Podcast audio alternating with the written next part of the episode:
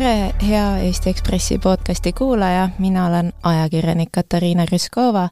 ja hakkan täna vestlema hetkel kõige kuulsama eestlasega, kes elab välismaal. mul on külas endine seitsmevõistluste täht,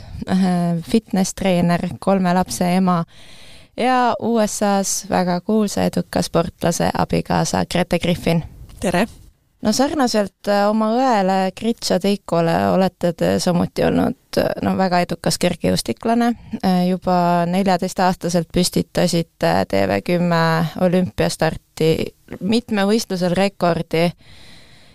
mis jäi siis aastateks ka püsima mm, no teid on isegi peetud võimekamaks sportlaseks kui teie õde Griti et kuidas te ise olete suhtunud äh, sellesse edusse ja nendele ootustele, mis teil sportlikult äh, spordimaailmas on siis peale seatud? eks ootused on alati kas, kas liialt või täpselt, äh, täpselt õigesti, et mulle kunagi ei meeldinud, kui mind õega võrreldi niimoodi, vanema õega, kas kuna me mõlemad tegime kergejõustikut, et kumb oli täpselt selles vanuses parem ja et kas neljateistaastaselt vanem õde tegi selliseid tulemusi, et pigem olime seal, et üksteist rohkem ikkagi toetada ja koos tippu jõuda, mitte et üksteisele vastu ja ja pannagi võr-, võrdlema üksteist, et ma arvan, et see on ka põhjus ausalt, miks väike õde kergejõustikut ei tahtnud teda teha, sest et kõik ainult võrdlesid teda meiega ja lõpuks nüüd ta on võrkpallur üldse, et et ma arvan, et see, kuidas, mis ootused pandi peale sellepärast juba, et meil vanemad olid kergejõustiklased ja siis minule pandi ootused peale, sest Grit tegi rekordeid, et äh, see see on, võib-olla on mõnes, mõnel ajal näiteks neljateist-viieteist aastat võib-olla liiga palju, et paned endale juba võib-olla ootusi peale, mida ei peaks panema ja peaksid lihtsalt lõbu tundma asjast, et äh, jah, ma arvan, et äh, mina pigem olin, tegin kergejõustikut, et õega koos teha ja õega koos võistelda, mitte seda, et õele ära teha just. Aga kas need ootused tulid siis pigem kahjuks teile või, või kuidas te seda ma, näete? ma arvan, et kahjuks ei tulnud, et et ise, iseendale, et ma tegelikult selliseid ootusi peale ei pannud, et lasid põhimõtteliselt teiste ootused ühest kõrvast sisse, teisest välja, et õnneks mu treener oli ka selline kahe jalaga maa peal ja ja tema kunagi ei pannud mulle mingeid äh, punktisummasid juba enne võistlust kirja, et äh, põhimõtteliselt lähed võistlema, Eesti, ütleme nii, et Eesti meedia põhimõtteliselt pani juba võistluste punkti, punktisummad sulle juba enne ette ära, kui sa üldse võistlema olid läinud, et äh, võib-olla see, kui lugesid seda, panid juba endale ootused peale, said aru näiteks, äh, kui käisid kuskil maailmameistrivõistlustel või Euroopa meistrivõistlustel, mida, põhimõtteliselt mida Eesti rahvas sinust ootab ja ma arvan, et kui sa paned oma sellised ootused peale, siis võib-olla, võib-olla see võistlus juba läheb täiesti aia taha, sellepärast et ma arvan, et pead lihtsalt võistlema minema ja vaatamegi, kuidas asjad lähevad, võtta üks ala korraga, et mitte, mitte ma ei tea, arvata, mis, mis äkki kodused sinust arvavad, kui metsa läheb või mida iganes, et ma arvan, et see lõppude lõpuks ikkagi niimoodi mind ei heidutanud, et lasid ühest kõrvast sisse, teisest välja, aga aga võib-olla küll vahepeal liiga palju kergejõustikuga te tegelesite ka pärast esimese lapse sündi, kaks tuhat kaheksateist aasta tegite isikliku rekordi kahesaja meetri jooksus mm. -hmm. no praeguseks olete kolme lapse ema, et, et selle mõne aastaga siin vahepeal on äh, ikka palju juhtunud, et äh, mida te mõtlete äh, üldse sportlaskarjäärist ja võib-olla selle jätkamisest? Ma arvan, et nüüdseks võib öelda, et on läbi, et äh, esi, pärast esimest last tahtsin kindlasti uuesti joosta ja tegelikult aasta läks väga edukalt ja sain teise lapse ja pärast seda oli, oli koroonaaeg ja põhimõtteliselt kõik võistlused ju katkestati ära, midagi ei toimunud ja, ja sealt edasi ma, ma arvangi, et mul oligi tunne, et äh, tundus õige aeg põhimõtteliselt ära lõpetada, kuigi ma siiani treenin ja kõike ikkagi ma ma olen eluaeg kergejõustiklane olnud, see on põhimõtteliselt ainus viis, kuidas ma oskan treenida, et äh, ma arvan, et äh, praeguseks kolme lapse ema, mul on tulnud teised unistused ja teised äh, elu eesmärgid juba kui, äh, kui kergejõustik. millised? ei oskagi öelda, aga ma arvan, et esikohal on praegu ikkagi emaks olemine, et võib-olla kui kergejõustik oleks niimoodi ära lõppenud, et ei oleks emadust tulnud või ei oleks last saanud, siis ma arvan, et oleks päris raske olnud ära lõpetada tegelikult, kuna võib-olla identiteet selle ajani ongi ainult see, et sa oled kergejõustiklane, kui ma, ma olen sporti teinud seitsmeaastasest saadik, et ma ei olegi kunagi endale keegi teine olnud, et olengi alati olnud sportlane, et võib-olla kui oleks niimoodi üritanud ära lõpetada, et ei oleks emaks saanud, siis oleks väike identiteedikriis olnud. aga kuna nüüd sain emaks, siis see läks suhteliselt kergelt üle, et äh, et äh, emaks saamine on ikkagi midagi, mis äh, noh, sa pead kogema ise, et seda tead, mis tunne see on, et kõik, kõik muu tundub teisejärguline. Kaks tuhat kaksteist aasta te läksite USA-sse õppima ülikooli äh, rahvusvahelisi suhteid. millised olid siis toona plaanid äh, selle haridusega seonduvalt, et miks just rahvusvahelised suhted ja USA-s uh,? ausalt öeldes rahvusvahelised suhted tulid lihtsalt sellena, et ma tahtsin tegelikult alguses psühholoogiat õppida, aga kuskilt moodi keegi mulle ütles, et kui ma tahan Eestisse tagasi kolida pärast äh, ülikooli lõppu, siis äh, psühholoogiaga Eestis pead uuesti ülikooli minema. ehk siis ma ütlesin, okei okay,, siis tundub suht mõttetu ja valisin rahvusvahelised suhted, kuna tundus, et saan selle, sellega teha mis ma, mis ma soovin iga, ükskõik mis riigis, kus ma elan. aga põhimõtteliselt ikkagi läksin ju ülikooli, et kergejõustikut teha, et et võib-olla kui oleks Eestisse jäänud, et oleks arvatavasti kindlasti ikkagi ülikooli läinud, aga Ameerikasse läksin ikkagi kergejõustiku pärast. Et äh, haridus selle koha pealt oli suhteliselt teisejärguline, kuigi suur pluss, sa saate ikkagi tasuta hariduse USA ülikoolist kui te USA-s olite, kuidas te kohtusite oma tulevase abikaasaga? Ja äh, Robertiga kohtusin äh, ülikooli viimasel aastal, kui ma tegelikult olin juba plaanid paika pannud, et tagasi koju kolida pärast ülikooli lõppu, et äh, ma olin juba pooled asjad koli-, koju tagasi kolinud, aga siis ülikooli viimasel aastal kohtusin Robertiga ja Robert kirjutas mulle Instagramis me oleme modern day love, et Robert kirjutas mulle Instagramis ja kuu aega hiljem, kuu aega hiljem saime esimest korda kokku ja sealt nüüd on kolm last ja abielus viis aastat, nii et aga mis ta kirjutas? Ta ei kirjut-, ma täpselt sõnumit ei ütle, aga ta ei kirjutanud midagi sellist, et oh my god, sa oled nii ilus või midagi sellist, mis tavaliselt sa kuuled, aga ta kirjutas väga ilusa, suhteliselt pika sõnumi. ta nägi mu lehe peal ühte kvooti, mis ma olin pannud, et isegi ei kirjutanud tegelikult pildi peale, et uh, võib-olla ma ei tea, kas ta me-, kas ma meeldisin talle või mida iganes, ta nägi tegelikult ainult kvooti, mis ma olin pannud ja kirjutas selle vastu, et uh, ma ei tea, noh, põhimõtteliselt, mis su elus toimub, aga tea, et kõik ees, mis ootab, on, on imeline ja et um, mulle tundus, et ta suhteliselt suhteliselt nagu tundis mind, aga tegelikult tal ei olnud nagu õrna aimuga, kes ma olen, aga, aga see, mis ta kirjutas, oli väga selline südamelähedane ja ma kirjutasin talle vastu ja sealt hakkasime suhtlema ja kuu aega hiljem saime kokku. millised need ülikooliaastad USA-s teil olid? ülikooli aastad olid väga-väga toredad, et äh, USA ülikooli elu ikkagi saadki ainult kogeda USA ülikoolis, et äh, kui lähedki Ameerika jalgpallimängudele, kus on kaheksakümmend tuhat fänni koos, et see on ikkagi ulmekogemus ja midagi, mis niimoodi tavaliselt Eestis üles kasvades ei näe ja et ei koge, et et USA ülikooli elu on tegelikult ikkagi väga lahe, et muidugi oli raske kolida viis tuhat miili eemale Floridasse perekonna juurest ära, et oli õhtud ikkagi, kus patja nutsid ja igatsesid kodu, aga aga see kogemus ikkagi muidugi jääb eluks ajaks meelde ja ja oli ikkagi väga hea kogemus aga millega oli USA-s võib-olla keeruline harjuda mm,? inimestega eriti alguses, et äh, Eesti on selline äh, rohkem kinnine ühiskond, et Ameerikas on kõik nii avatud ja et kõik inimesed küsivad sul iga, iga kord, kuidas sul läheb ja, ja ütlevad, kõik ütlevad linna vahel tere ja kõik naeratavad, et seal, sealt ühiskonnast tegelikult on suhteliselt raske tagasi tulla Eestisse, sest isegi kui naeratad kellelegi tänaval, siis põhimõtteliselt vaadatakse otsa, et sul on midagi viga. Aga siis ma saan kiirelt aru, et okei okay,, ma olen Eestist,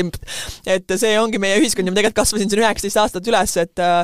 et Ameerika lihtsalt, kui sinna elama jääd, siis Äh, ongi, tal on äh, täiesti teistsugune ühiskond, et see tegelikult alguses oli natukene šokk, et äh, et kui inimesed kõik küsivad, kuidas sul läheb, et kas sa mõtled, kas sa, kas sa tahad õiget vastust või sa tahad lihtsalt öelda, mul läheb väga hästi, et ma ei tea, mida, mida sulle öelda, et et kõik see korraga võib-olla alguses oli, oli natuke liiga palju, et sellisest kinnisest ühiskonnast tulles. Teie abikaasa Robert Griffin on ääretult edukas ja tuntud USA NFL-i mängija, äh, siis äh, kohaliku Ameerika jalgpallimängija. Ähm, et kuidas see tutvumise algust mõjutas? Uh, no eks, eks mõjutas ikka, kui hakkad kuulsusega põhimõtteliselt käima ja tollel ajal Robert, Robert oli veel lahutuse keskel ka, nii et uh, et äh, kõik, äh, kõik see korraga oli ka palju, et äh, ise okei okay,, kasvad Eestis üles, ajakirjad kirjutavad sinust sportlaskarjäärist, aga see, kui ta, kui ikkagi käia olla või olla suhtes Ameerika kuulsusega, on ikkagi nagu ma isegi, ma isegi ei oska öelda, et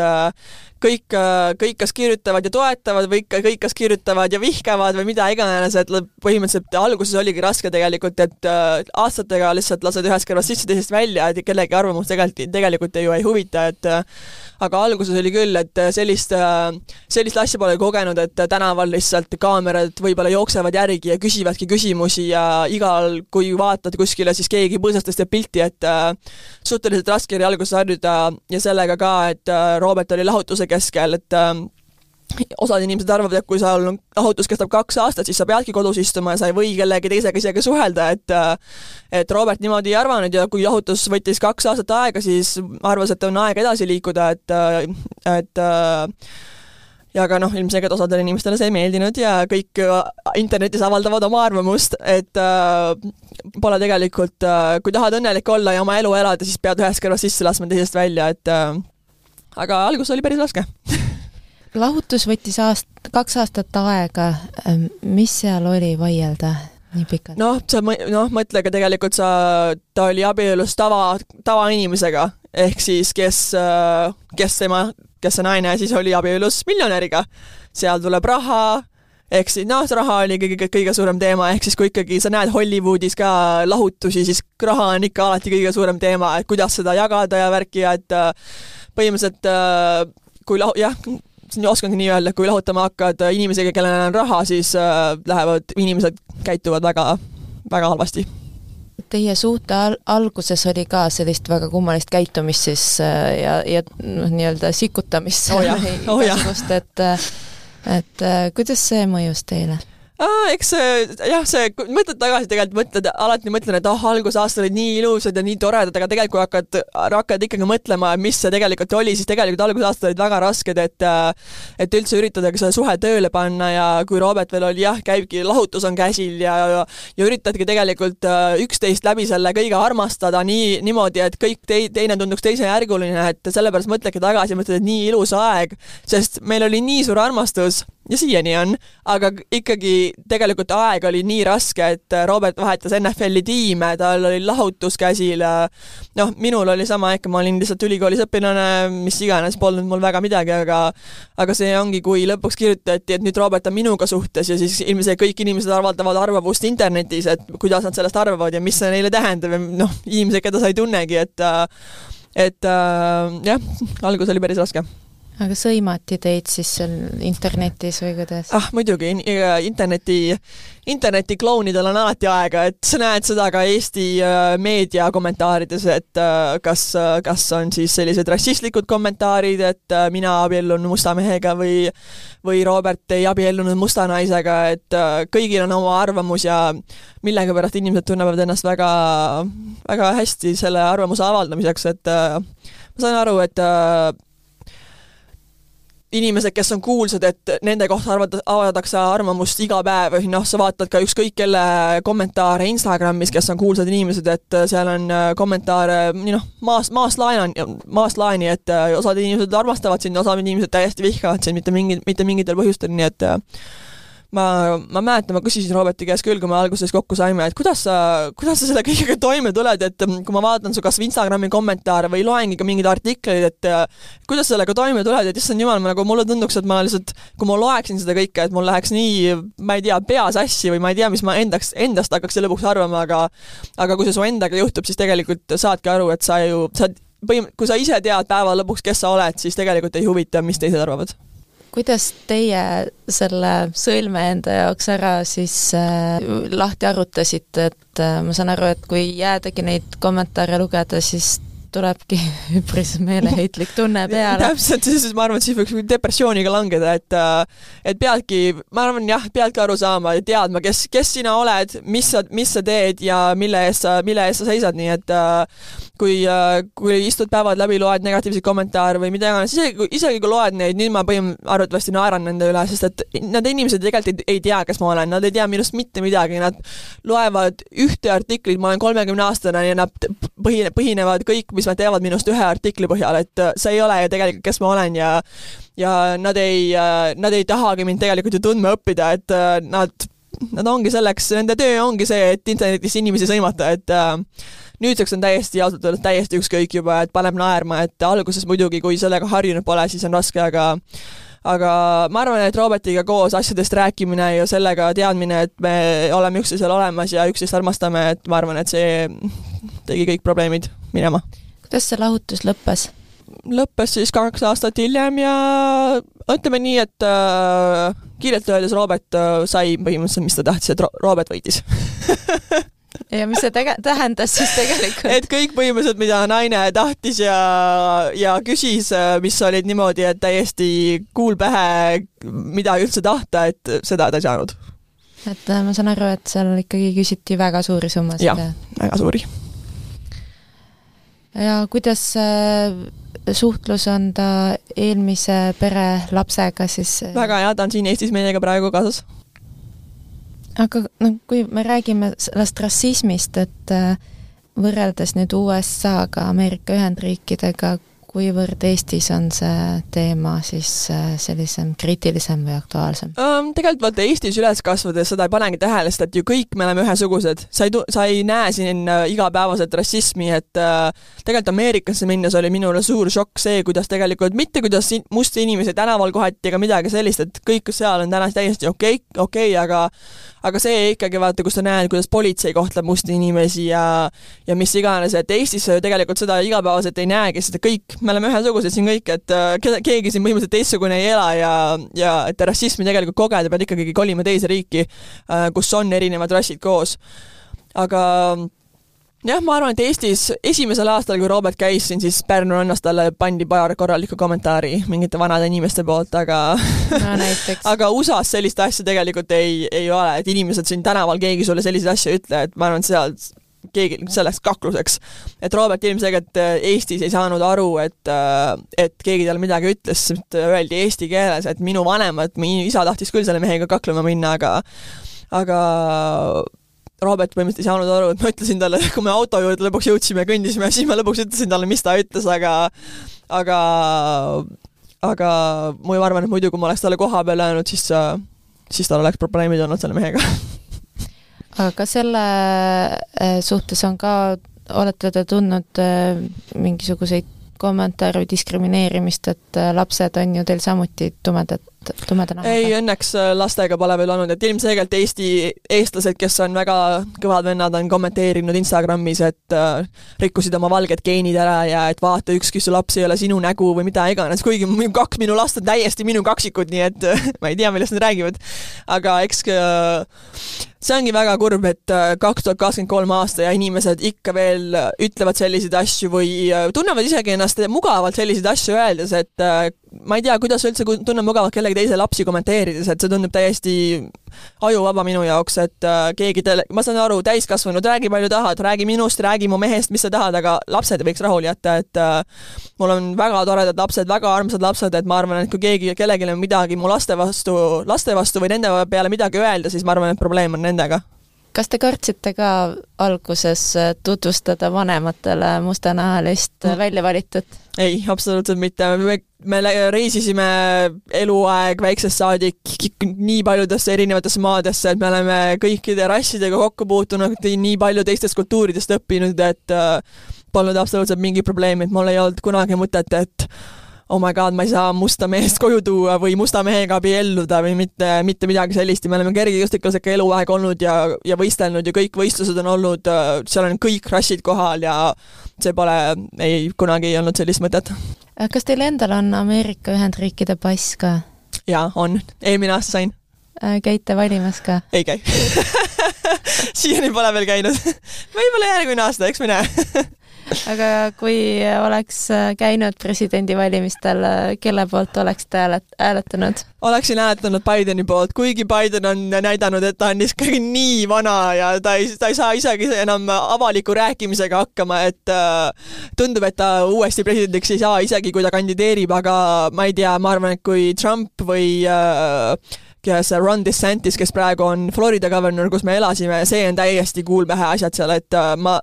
ma ei tea, kui üks nendest saab Ameerika presidendiks, ma ei tea, mis saama hakkab. Ron DeSantis, need asjad, mille eest ta seisab, on lihtsalt nii äh, ekstreemsed, et äh, ma ei mäletagi, mis see viimane asi oli, mis ma lugesin, ma lihtsalt lugesin ka, et see tundub, nagu Ameerikas hakkaks see film, see Purge, et äh, lihtsalt ka, ka need äh, ihukarvad tõusevad püsti, kui mõtled selle peale, et äh, aga eks me näeme, mis saama hakkab ja mis, kes see presidendiks saab, et äh, ausalt öeldes praegu pole mitte ühtegi kandidaati, keda ma tahaks, et presidendiks saaks kui te lapseootele jäite, no siis oli ju selge, et nüüd tulebki jagada enda elu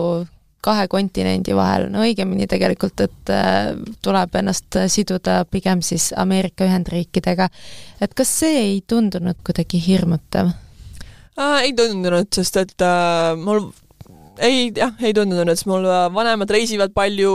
oleks võib-olla nii jah, ikka vanemad pole kunagi Eestist väljas käinud või midagi, et kuidas nad lapsi näevad ja see aasta me oleme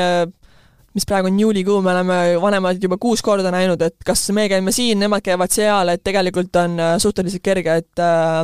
et ei hirmutanud, olin pigem ikkagi õnnelik ja ootasin. aga USA elukorraldus, sealne eluolu, et äh, kuidas see teile sobib? Lapsevanemana, lapsevanemana on see väga tegelikult hirmutav, et äh, Eesti juures kõige rohkem igatsengi elu turvalisust, et äh, praegu mul lapsed on õues vanaema juures hommikul kaheksast õhtu kaheksani, et isegi kui kedagi õues pole või akna pealt vaatad neid või mis iganes, et sa tead, et nad on kogu aeg, neil, nendega ei juhtu midagi, et Ameerikas ma, ma ei mõtleks ka selle peale, et mu lapsed üksi õue läheksid, et äh, või see, kui sa saadad nad hommikul kooli ja mõtledki, et kas nad tulevad sealt elusana tagasi, et Ameerikas lihtsalt osades osariikides, näiteks nagu Florida ja Texas, sul ei ole mitte midagi vaja, et relva saada. Lähedki poodi, ostad relva ja ongi olemas ja ja see, millised koolitulistamised on olnud ja lihtsalt äh,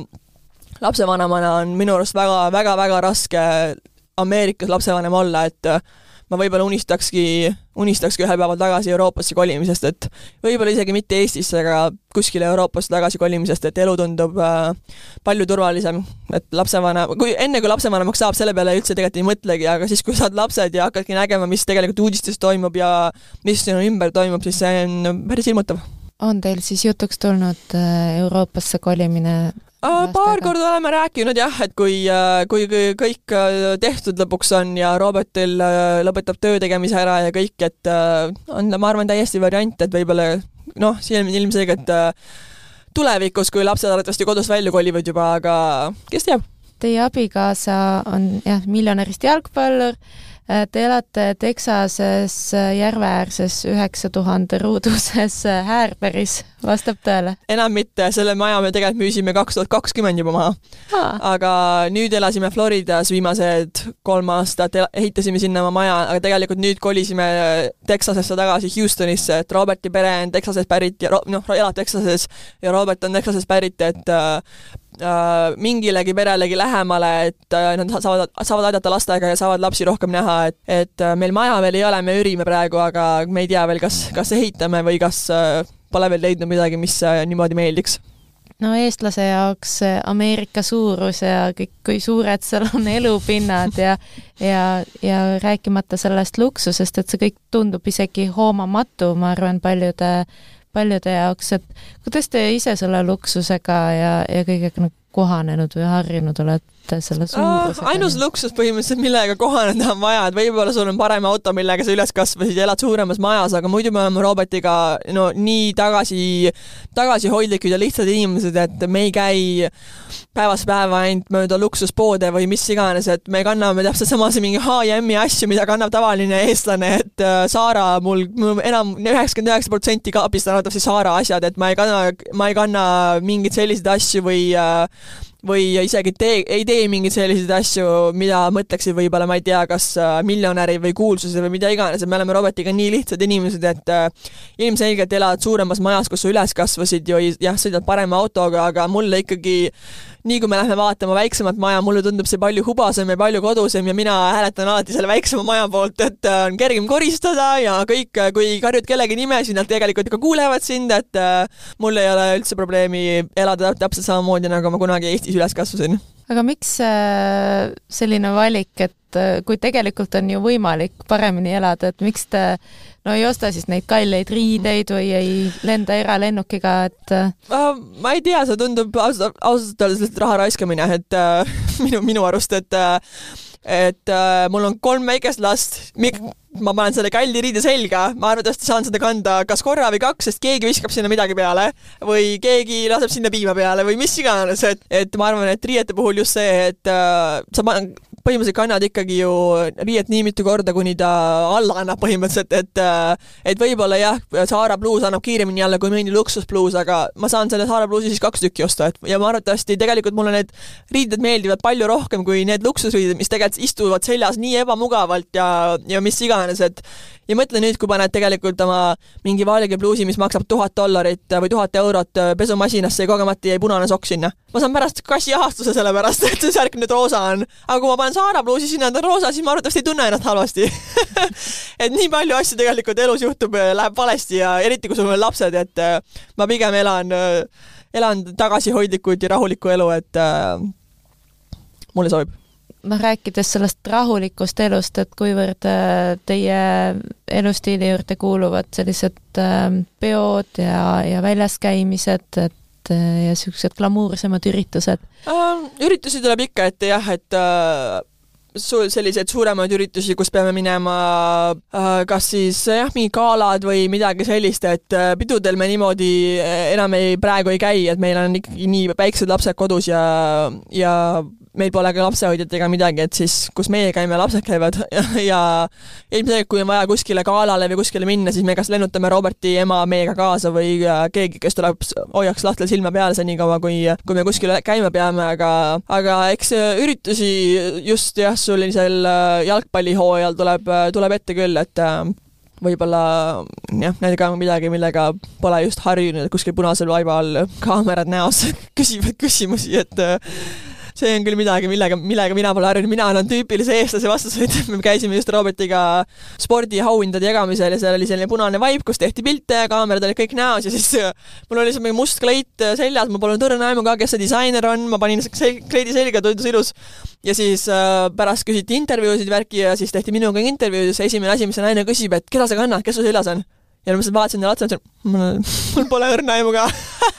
mulle see kleit meeldis, ma ostsin, ma ei tea, mul ei, ma ei tea. et tegelikult ju USA kõik punasel vaibal räägivad, kes neil seljas on, kes neil jalas on, mis neil käe otsas on, et ma andsin tüüpilise sellise eestlase vastuse, ütlesin, mul ei ole lihtsalt õrna aimu ka miks teil laste, lapsehoidjat pole? ma ei tea, pole ausalt öeldes leidnud põhjust, et olla, et äh, tahan, ma olen tüüpiline selline õige Eesti naine, kes ikka teeb kõik asjad ise ja kui isegi on vaja abi, siis ikka ei küsi abi, et et äh, ma ei tea, selline pole tegelikult äh, põhjust leidnud ka praegu, et äh, saan ise hakkama, kui Robertit isegi kodus pole ja pole kedagi sellist võib-olla isegi leidnud ka, kes, keda usaldaks lastega, et äh, vana, vanemad kindlasti, et kui vanaemad on seal, siis me kasutame aega ära ja lähme kas lihtsalt, ma ei tea, õhtusöögile kahekesi või teeme midagi kahekesi, et äh, aga peale perekonna väga kedagi ei usalda ka ausalt öeldes eriti Ameerikas miks? ma ei tea, Ameerika, see on nii, ma räägin nii äh, selline äh, hirmuäratav riik tegelikult ikkagi, et äh, kõik, mis sa võib-olla olengi meediast liiga palju asju lugenud, mis on lastega juhtunud ja kuidas lapsi tegelikult lastehoius koheldakse ja et äh, nii palju hirmuäratavaid jutte on räägitud selle kohta ja uudistes läinud, et äh, ma tean, et minu lapsed on alati kõige turvalisem minuga, et äh, võib-olla sellepärast ka tean, ma tean, kuidas mina oma lapsi kohtlen ja mida nad, mida nad väärivad, et äh, ma ei tea, mis, mis saaks, kui ma teaksin, et keegi mu lapsi väärkohtleb. No enne teie viimase lapse sündi lõi meedia laineid, kui teie abikaasa Robert äh, poole kolledži jalgpalli play-off'i ülekande ajal siis ekraanilt kadus, väites, et tal äh, naine läheb sünnitama no ometi beebi tuli mõnevõrra hiljem, et mis seal tegelikult juhtus? seal tegelikult oligi, et äh, mul tulid äh,, tuhud hakkasid käima, ma oli, see oli uue aasta õhtul, et mul õnneks kõik perega, pere oli seal, mul emmed, issid, õed, kõik olid seal, et äh,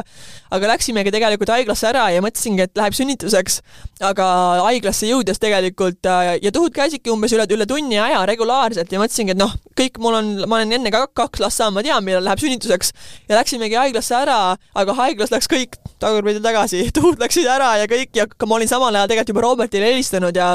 noh, pigem ikkagi öelda talle äh,, isegi kui äh,, kui asjaks ei lähe, et ta muidu maga-, muidu ta ei jõua kohale, sest ta oli nelja tund, nelja lennutunni kaugusel. et äh, ma tegelikult olin üsna kindel, et nüüd läheb sünnituseks, pakkisin oma asjad kokku ja võtsin koti ja kõik ja, ja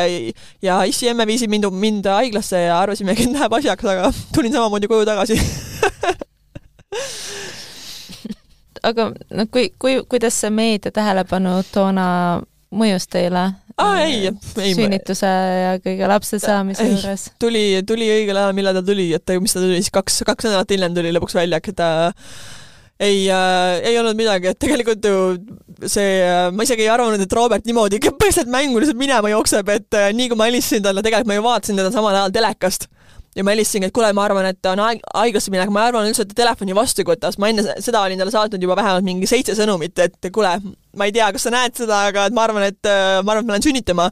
ja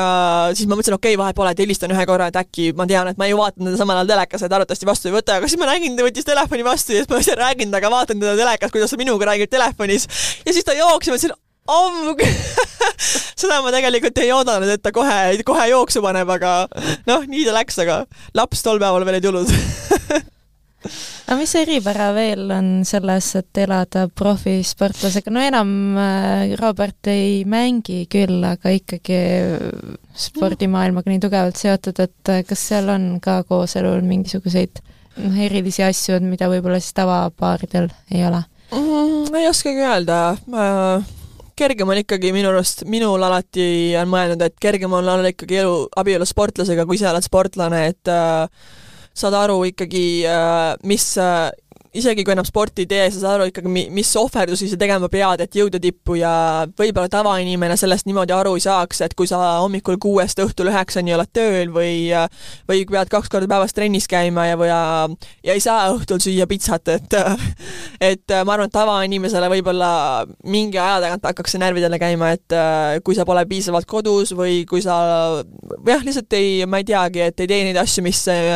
mis neile lõbusad tunduvad, et ma arvan, et sportlasel sportlasega on palju kergem äh, abielus olla ja kooselu, kooselu aretada, et äh, jah, tundub palju, asjad äh, käivad palju kergemini. aga mis ohverdusi siis teha tuleb? veel no, lisaks sellele, et pitsat ei saa süüa jah, see on üks ohverdus et äh, jah, see ongi, et kui sa ütleme, et äh, tavainimene võib-olla tahakski, kui sul pole tööle vaja minna või midagi, et tahakski sinuga kaksteist tundi päevas koos olla, kakskümmend neli tundi päevas koos olla, et sa, sina võib-olla peadki kell kuus hommikul üles tõusma ja jõusaali minema ja sa ei saa nendega koos hommikust minna sööma või või äh, sa oledki hommikul kella kuuest õhtul kella viieni, äh, käidki trennide ja massaažide ja ja mingite teraapiate vahel, et äh,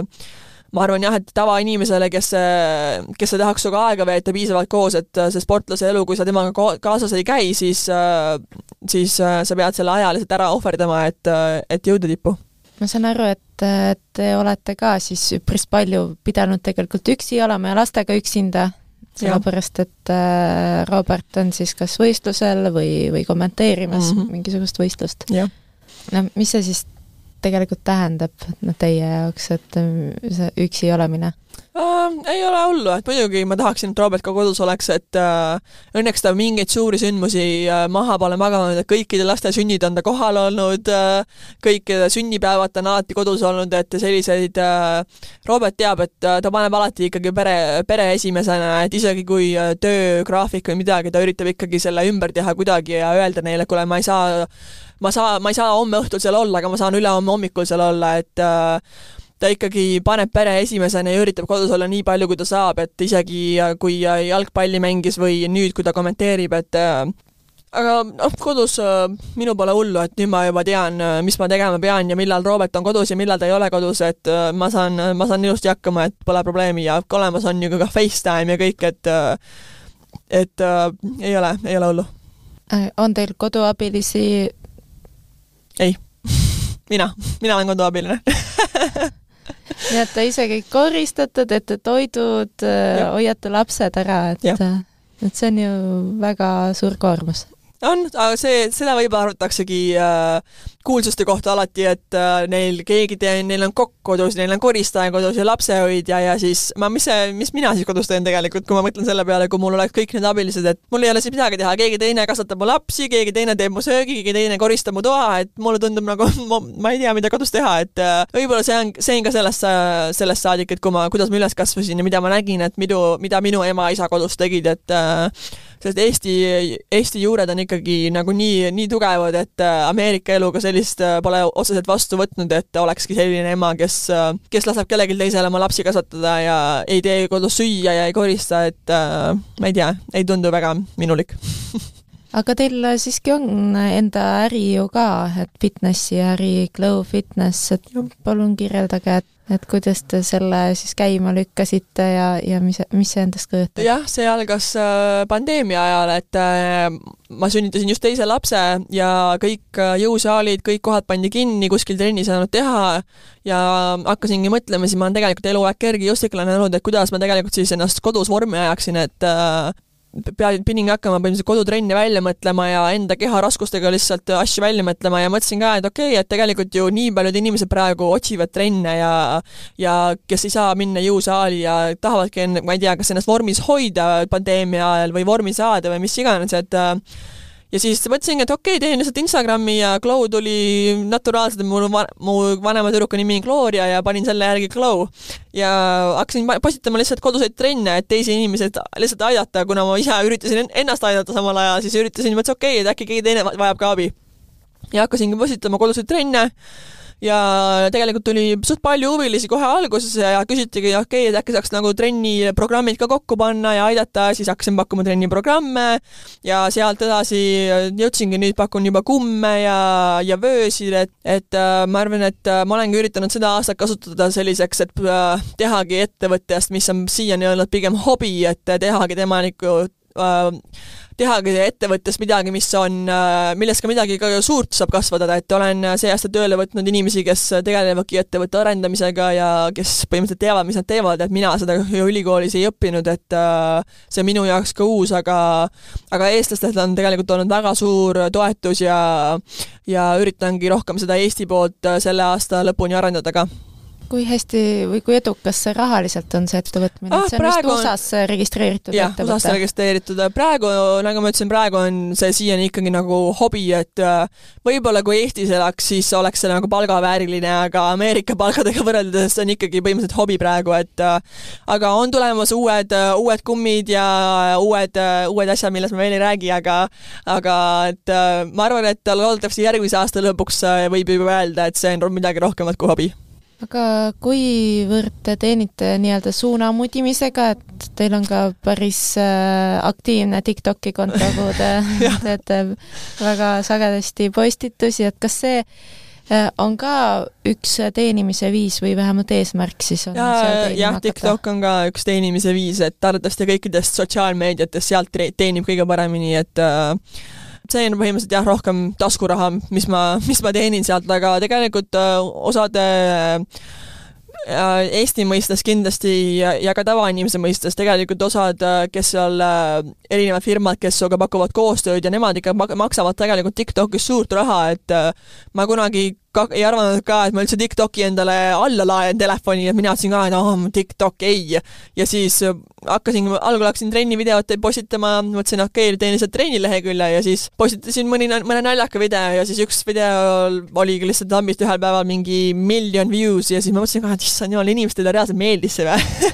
ja siis sealt hakkasingi lihtsalt tegema ja, ja sealt kasvanud on, et äh, et paar aastat tagasi ma poleks isegi arvanud, et mul TikTok telefonis on, aga see on tegelikult väga, väga hästi praegu töötanud ja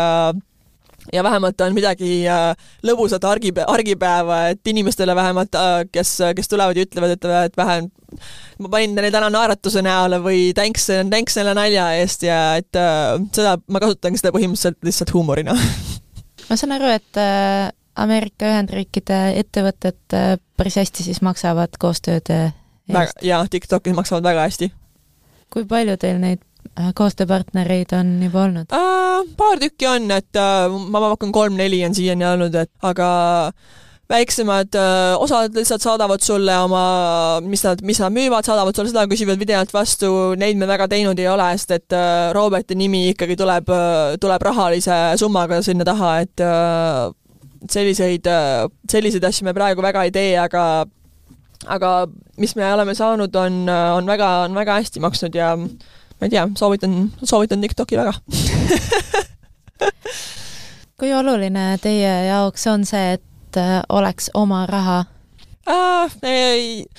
oluline otseselt nimi nii ei ole, et ma saan aru selle, selle olulisusest võib-olla naistele eriti, et ja sellega ka, kui sa, kui sul endal võib-olla sinu nimel otseselt midagi ei ole, et kui sa jääd kas kuskile situatsiooni kinni, kus sa olla ei taha, et siis on kindlasti suur probleem, aga aga ma ausalt öeldes selle pärast väga ei muretse, et mul on oma raha ja, ja ka mul on, mul on nii hea mees, et mul ei ole üldse absoluutselt millegi pärast muretseda, ma arvan. Mis see tähendab? ma ei, ta on, ma ei, ma ei näe seda asja kuidagi, kuidagi metsa minemas praegusel hetkel, et Robert on täiesti ma alati väiksena unistasin mehest, kes oleks mul samasugune, nagu meie isa oli meie emale. et äh, nende pealt armastust nähes väiksena oli alati õdedega vaatasime neid ja mõtlesime, oh, ühel päeval palun, las me leiame samasuguse mehe nagu kuidas, kuidas isa armastas ema, et äh, seda oli ilus vaadata ja ma arvan, et ma võin öelda, et ma täiesti leidsin, et äh, täiesti ja nii ootamatult ka, et äh, et Robert on täiesti super, super abikaasa ja super isa ja ma ei tea, ei oskaks midagi rohkemat tahta. Ma arvan, et jah, see, mis meile kõige rohkem meelde ongi jäänud kodust, on see, et kodus oli kogu aeg rahu, ema-isa said kogu aeg hästi läbi ja kogu aeg oli, oligi selline naer, naer ja, ja lust ja lillepidu kodus, et äh, ma isegi ei oska seda kirjeldada, et äh, nüüd nad on, nüüdseks on olnud juba üle kolmekümne aasta abielus ja ja see on ära, ausalt öeldes olnud väga ilus vaadata aga kuidas te ennast ise määratleksite, et kas te olete siis endine sportlane, olete te ettevõtja, olete koduperenaine, et kuidas te ise nagu natuke pigem..., natuke kõike vist, et äh, ma arvan, nüüd juba endine, endine sportlane on, on okei okay öelda ja ja ma ei tea, see suunamudi on ka kuidagi nii, nii uus minu jaoks, et võib-olla selleks ei kutsuks ka ma, ma veel ennast ei kutsuks, et äh, jah, ma arvan, et äh, praegu ema on mu esimene tiitel, et mul on ikkagi kuuekuune beebi kodus, et äh, see on mul praegu kõige esimene prioriteet on äh, laste, laste kasvatamine ja kodus, äh, kodus olemine lastega, et kõik lapsed on ikkagi nii väiksed veel, et arvatavasti paari aasta pärast see muutub ja siis, siis võime uuesti rääkida kas olete vahepeal kahetsenud ka, et sportlaskarjäär jäi poolikuks, et ei saanud ennast seal nagu täienisti siis realiseerida uh,? Kahetsenud võib-olla mitte, aga olen mitmeid kordi küll mõelnud, et äh, ma arvan lihtsalt, et äh, mu potentsiaal jäi realiseerimata, et võib-olla isegi sellega, et tegin vale valiku USA ülikooli osas, et võib-olla mul läks see protsess kõik nii kiireks ja keegi mu kodust ei olnud ennem, perekonnast ei olnud ennem läinud äh, Ameerikasse, ehk siis ma olin esimene ja ja eks sain oma vitsad kätte sellega, et ei vaadanud, äh, kui hea mitmemõistluse rekord seal koolis oli ja võib-olla kui hea täpselt see mitmemõistluse treener seal koolis oli, et äh, tagasi vaadates tegelikult arvan, et oleks pidanud valima teise kooli, kui oleks läinud Ameerikasse või siis Eestisse jääma, et äh, ma arvan, et jah, et tänu kooli valik, valikule see potentsiaal jäi realiseerimata seal siis ei olnud nii head treenerid? jah, et äh, mitmemõistluse rekord koolis enne mind oli ainult viis tuhat kolmsada punkti, mis äh, väga madal. võib-olla oleks pidanud seda rohkem vaatama, et treener tegelikult, ma, treeneriga sain super hästi läbi, ta oli inimesena super, super hea treener ja super lahe, super lahe mees, aga võib-olla jah, mitmemõistluse treenerina ta oli pigem selline hüpete treener, et võib-olla see oli natuke rohkem teisejärgulisem Te juhite ka ühte heategevusfondi, mis äh, toetab invaliidistunud sõjaveterane, puudust kann-, kannatavaid lapsi ja teeb, äh, toetab ka vä-, vähiuuringuid. Äh, miks just selline sihtrühm? Sõjaveteranid sellepärast, et Roberti mõlemad vanemad olid sõjaväelased ja mõlemad on tänaseks sõjaveteranid, et sealt tuli kohe kiire kiire äh, asi, mida teadsime, et tahame toetada Roberti vanemate pärast ja lapsi alati äh, tegelikult toetame emasid ka, keda väärkoheldakse ja kes äh, toet-, kes sünnit-, mm, mitte ei sünnita, vaid kes kasvatavadki lapsi üksi, sellepärast et nad neid koos kodus väär, väärkoheldi või äh, mis iganes trauma neil on sellest, et äh, ja tegelikult lapsed on ju nii, meil on nii, meil on nii palju lapsi, et kõik on ju nii südamekohe, kohaline teema, et lapsed, kes puudust tunnevad, kas siis haridusest või toidust või söögist või mis iganes, et tegelikult meil Äh, kui saaks kohe, siis tegelikult elu mõte olekski lihtsalt reisida maailma ja aidata inimesi, et, äh, et äh, eriti kui, kui on millega aidata, et et sealt need valikud on tulnud ja see oli tegelikult mu suht esimene töökoht ka pärast ülikooli, et